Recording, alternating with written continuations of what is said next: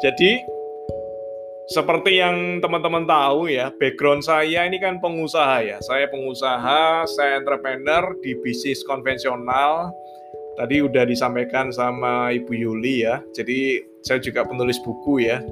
Dua buku, Success Revolution sama Mentor Revolution. Jadi dan saya ini saya ini ketika saya berbisnis ya, ketika saya berbisnis ya, saya berpikir ya, saya berpikir ya, dulu waktu income saya sebulan ya, misalnya 5 juta ya, income saya dulu sebulan 5 juta, saya cuman berpikir, oh 5 juta ya, udah upgrade sepeda motor udah enak ini ya.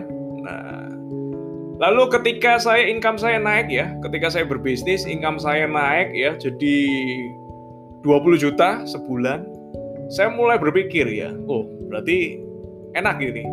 Sepeda motor udah mulai bisa diganti ya ke mulai nyicil mobil ya. Mobil saya pertama saya saya ingat waktu itu mobil Yaris ya, Yaris.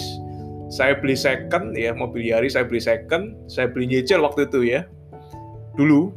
Nah, terus sebagai pengusaha income saya naik ya ketika income saya udah mulai 50 juta sebulan, saya mulai berpikir ya, wah, berarti mobil saya harus saya upgrade ini ya, harus saya upgrade ya ke Fortuner dan lain-lain ya, ke Alphard dan lain-lain ya. Dari sana saya berpikir ya, loh, kok saya bisnis ini nggak ini ya, income tapi kok selalu nggak cukup ya. Ketika income saya meningkat ya, gaya hidup saya kok juga meningkat ya.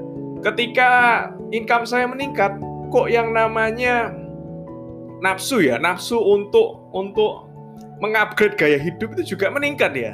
Saya berpikir, waduh, itu nggak ada habis-habisnya ya. Akhirnya saya riset teman-teman ya. Akhirnya saya riset, ternyata ada yang namanya hedonic treadmill ya. Jadi itu kayak treadmill ya. Income kita sekian ya kan. Ternyata gaya hidup kita juga meningkat ya. Semakin keras ya kan, semakin juga meningkat ya. Nah, akhirnya saya berpikir, waduh, saya nggak bisa seperti itu terus ya. Itulah akibatnya ketika teman-teman ketika berbisnis cuma melihat dari profitnya saja ya.